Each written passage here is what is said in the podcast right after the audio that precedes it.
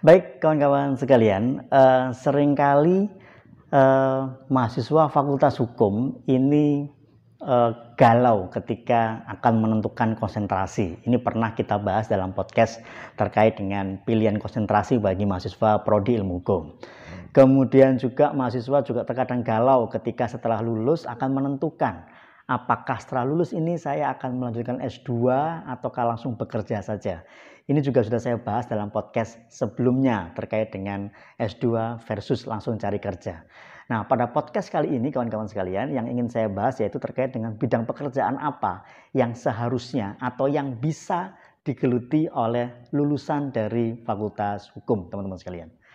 Nah, ini yang disebut dengan profil lulusan dan setiap program studi ilmu hukum di berbagai fakultas hukum di Indonesia ini memiliki profil lulusan yang mungkin berbeda, mungkin juga sama.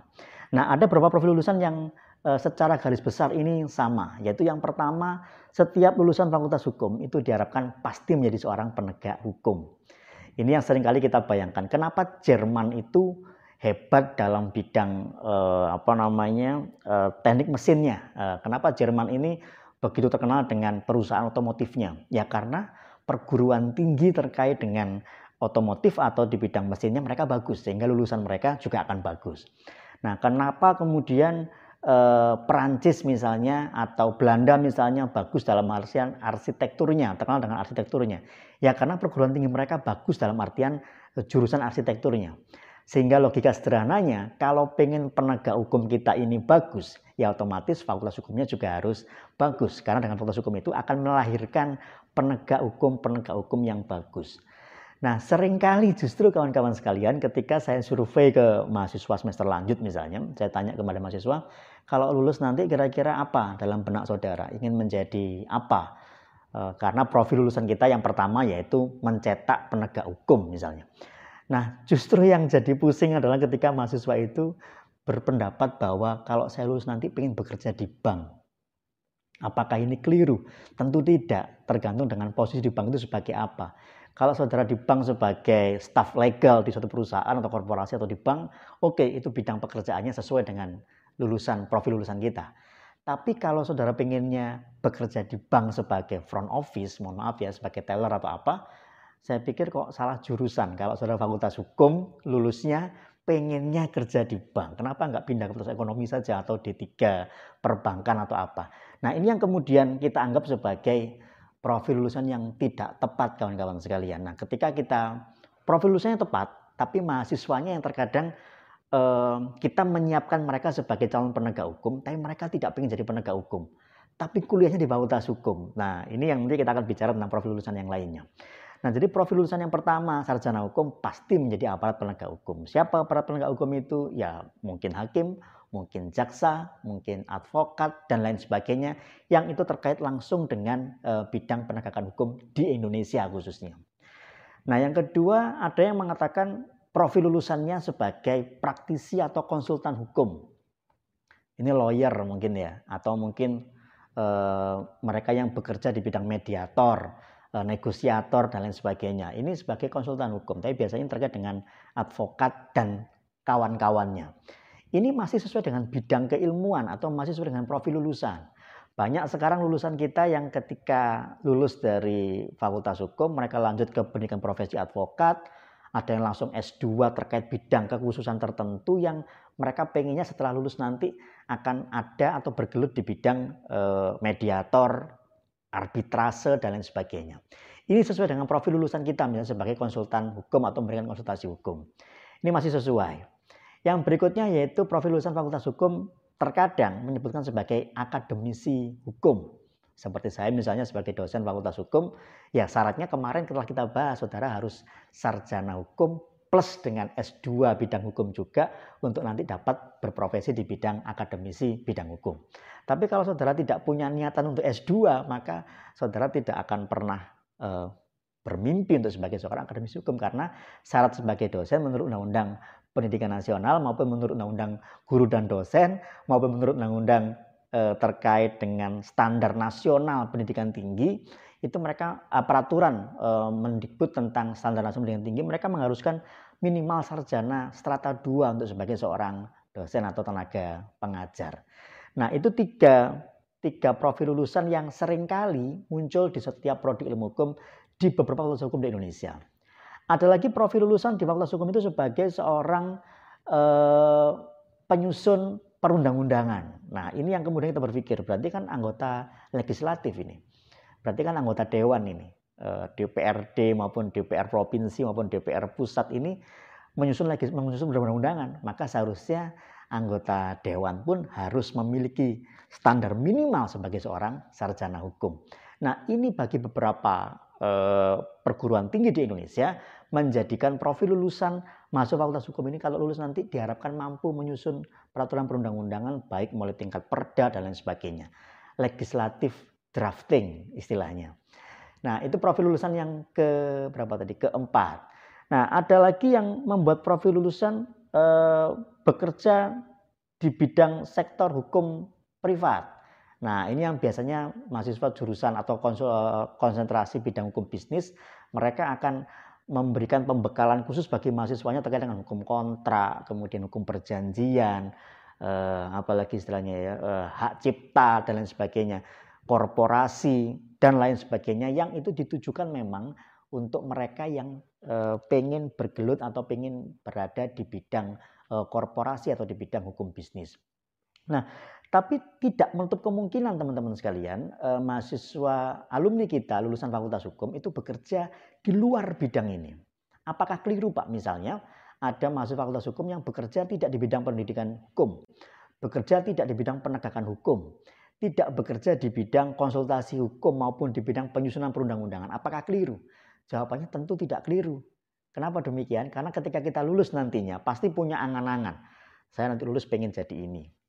Tapi terkadang kan tidak semua angan-angan kita tercipta. ya. Terkadang tidak semua keinginan kita itu terkabul dalam waktu yang cepat. Ya beruntung bagi kita eh, keinginan kita terkabul dalam waktu yang segera. Tapi tidak menutup kemungkinan kehendak kita pengen jadi penegak hukum, tapi menuju ke arah situ susahnya bukan main. Akhirnya ya itu tadi menjelang lebaran ini ya, yang penting ada terlebih dahulu ya akhirnya pekerjaan apa pun oke okay buat kita.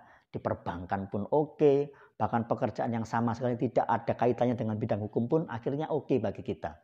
Nah, apakah ini salah? Tentu tidak keliru kawan-kawan sekalian. Tapi sebagai eh, apa ya orang yang berkecimpung di bidang pendidikan hukum, saran dari saya ya jangan lama-lama. Itu sebagai batu loncatan atau mencari pengalaman saja sambil menata hidup kita untuk menuju ke apa yang kita kehendaki dan apa yang kita cita-citakan ketika kita masuk di fakultas hukum. Nah, kalau sampai berapa lama kemudian belum tercapai bagaimana? Ya tetap tidak keliru juga karena rezeki manusia ada di tempat yang berbeda-beda dan tidak kita bisa kehendaki. Tapi yang jadi permasalahan adalah ketika semakin banyak lulusan kita, lulusan fakultas hukum yang bekerja tidak sesuai dengan profil lulusan, misalnya kita menciptakan profil lulusan di Trunojoyo misalnya, Trunojoyo Madura itu punya profil lulusan misalnya satu sebagai penegak hukum, yang kedua konsultan hukum, yang ketiga penyusun perundang-undangan. Nah, tapi lulusan dari Fakultas Hukum Trunojoyo Madura ini rata-rata bekerja di luar tiga bidang ini. Apa yang terjadi?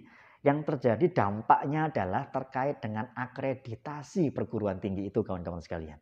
Nah, semakin banyak sumbangsih alumni kepada tiga profil ini, maka semakin diakui eh, apa keterserapan lulusan ini di bidang-bidang pekerjaan yang seharusnya. Tapi semakin banyak alumni yang tidak sesuai dengan profil ini, maka akan jadi pertanyaan nanti. Lalu apa yang saudara ajarkan kepada lulusan, kepada mahasiswa saudara? Kalau ketika lulus mereka tidak ada yang terserap di tiga profil ini, maka profilnya apakah keliru? Profil tidak keliru karena sesuai dengan ketentuan di dalam konsorsium dekan Fakultas Hukum se-Indonesia misalnya dan lain sebagainya. Yang keliru adalah ketika eh, alumni kita, lulusan kita tidak dapat terserap oleh tiga profil ini. Sehingga perlu kita rencanakan kembali agar lulusan kita kita apa ya kita berikan doktrin yang kuat agar lulusan kita ini nanti akan bekerja di bidang yang sesuai dengan profil lulusan.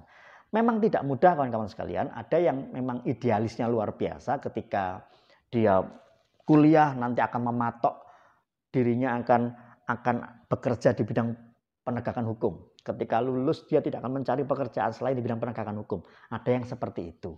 Tapi sebagaimana saya sampaikan di depan tadi, terkadang ya apa yang kita kehendaki dengan apa yang terjadi di lapangan itu sama sekali berbeda. Sehingga eh, akhirnya ya tadi itu menjelang lebaran kita sudah lulus kok belum dapat pekerjaan yang tepat akhirnya ketika kita melamar pekerjaan pun yang penting dibutuhkan sarjana hukum maka kita akan melamar di situ. Mau sesuai kayak mau tidak sesuai kayak dengan profil lulusan kita tidak ada masalah bagi kita. Ya memang tidak keliru dengan itu tapi saran dari saya jangan lama-lama. Ketika pekerjaan saudara hari ini tidak sesuai dengan bidang bidang minat saudara tidak sesuai dengan profil lulusan saudara saya sarjana hukum ini tapi kok bidang pekerjaan saya nggak sesuai misalnya ya saya kok justru jadi perawat ini. Ini kan aneh banget ini. Uh, saya sarjana hukum tapi jadi administrasi di rumah sakit misalnya. Ini nggak sesuai ini. Nah maka saudara silakan cari pengalaman di situ sambil berjalan saudara menata hidup kembali untuk menyusun strategi kira-kira apa yang harus saya cari. Bagaimana kalau sampai di akhir nanti memang saya tidak berminat. Beda dengan tidak mencoba ya, mencoba tapi gagal itu beda lagi urusannya. Tapi kita memang nggak berminat saya nggak berminat sama sekali di bidang hukum. Lalu pertanyaannya kenapa dulu saudara kuliah di bidang hukum? Nah ini yang kemudian selalu saya sampaikan kepada mahasiswa ketika semester awal pasti saya tanya kenapa saudara memilih fakultas hukum? Jawabannya akan beragam sekali. Ya pengennya sih pilihan pertama bukan itu pak, tapi dapatnya pilihan kedua. Akhirnya ya ya diikuti saja. Ada yang memang sejak awal pengennya ke situ.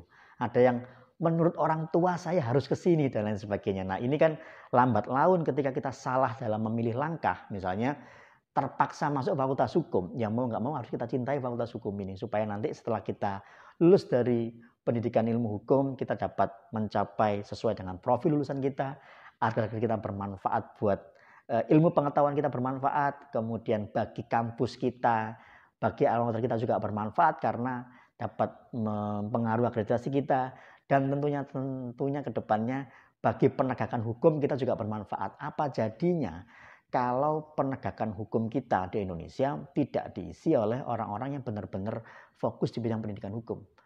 Ya, eh, ya kita tahu pasti bahwa pendidikan hukum kita bagus, tapi lulusan sarjana hukum tidak mau berkecimpung di bidang penegakan hukum. Lalu bagaimana terjadinya eh, proses penegakan hukum yang baik nanti ke depannya? Nah, itu podcast singkat Sabtu kali ini teman-teman sekalian di penghujung Ramadan kali ini eh, semoga eh, yang saya sampaikan tips singkat yang saya sampaikan tadi tidak menjadikan beban buat kawan-kawan sekalian tapi menjadikan renungan bahwa tidak selamanya mahasiswa fakultas hukum jurusan hukum pidana misalnya pasti akan bergerak di bidang hukum pidana. Tidak selamanya, karena saudara lulus sebagai sarjana hukum, bukan sarjana hukum pidana atau sarjana hukum pemerintahan, sarjana hukum perdata, dan lain sebagainya. Kalau pengen jadi notaris bagaimana? Ya saudara harus ketika lulus fakultas hukum ya harus kuliah di magister kenotariatan untuk mengejar cita-cita sebagai seorang notaris. Kalau pengen advokat bagaimana? Ya saudara ikuti prosedur menjadi seorang advokat. Tapi setidaknya kalau saudara terbayang sebagai advokat, terbayang sebagai seorang notaris, maka saudara telah berada di garis yang benar. Karena ya memang itu profil lulusan kita. Tapi kalau saudara belum lulus saja, sudah pengen, saya pengen menjadi seorang pengusaha, entrepreneur misalnya. Apakah keliru? Tidak tentunya. Tapi alangkah baiknya kalau seandainya entrepreneur itu, pengusaha itu saudara kaitkan dengan bidang hukum. Yang hari ini juga sangat banyak sekali dan marak sekali. Banyak sekali aplikasi-aplikasi yang e, memang bukan orang hukum yang membuat aplikasi itu, tapi konten aplikasinya terkait dengan bidang hukum. Kita ambil contoh kemarin ada e, apa namanya hukum online, kemudian e, aplikasi apa ya, e, lawyer yang seperti Halodoc ya itu kan eh, bidang medis tapi diwujudkan dalam bentuk aplikasi sehingga kita mudah eh, dekat dengan masyarakat yang membutuhkan bantuan terkait dengan bidang eh, kesehatan. Nah, bidang hukum ini kan juga sudah ada. Nah, alangkah bagusnya kalau kita pengen entrepreneur, oke okay, kita arahkan kepada bidang kita. Kita pengennya berwirausaha, oke, okay, tapi kita arahkan ke bidang yang seharusnya yang kita pelajari ketika perkuliahan. Hey, kawan-kawan sekalian, eh, sangat singkat podcast Sabtu kali ini. Eh, semoga tetap sehat selalu. Nanti kita bertemu di T Edu. Salam sehat, saya T Sampai jumpa.